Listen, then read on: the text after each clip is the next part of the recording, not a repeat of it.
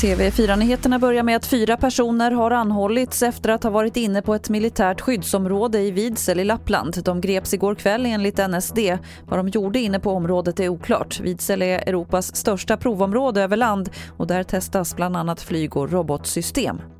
Nu ökar trycket på att även barn och ungdomar i Sverige ska få möjlighet att vaccinera sig mot covid-19. Igår kom beskedet att Pfizers vaccin ska testas på barn i en studie och i USA och Israel vaccinerar man redan de som är över 12. Hugo Lagerkrans är senior professor i barnmedicin på Karolinska institutet. Tyskland ska ju, eh, har ju börjat eller ska börja och Kanada så att eh, eh det här är på gång i världen risken att få covid-19 även för ungdomar och också drabbas av de här följdsjukdomarna, sån här hyperinflammation och covid-19, eh, post-covid-19, det är ju, nästan, det, det, det är ju ganska allvarligt. Och eh, det, kan man, det vet vi ju att det kan vi undvika med vaccination.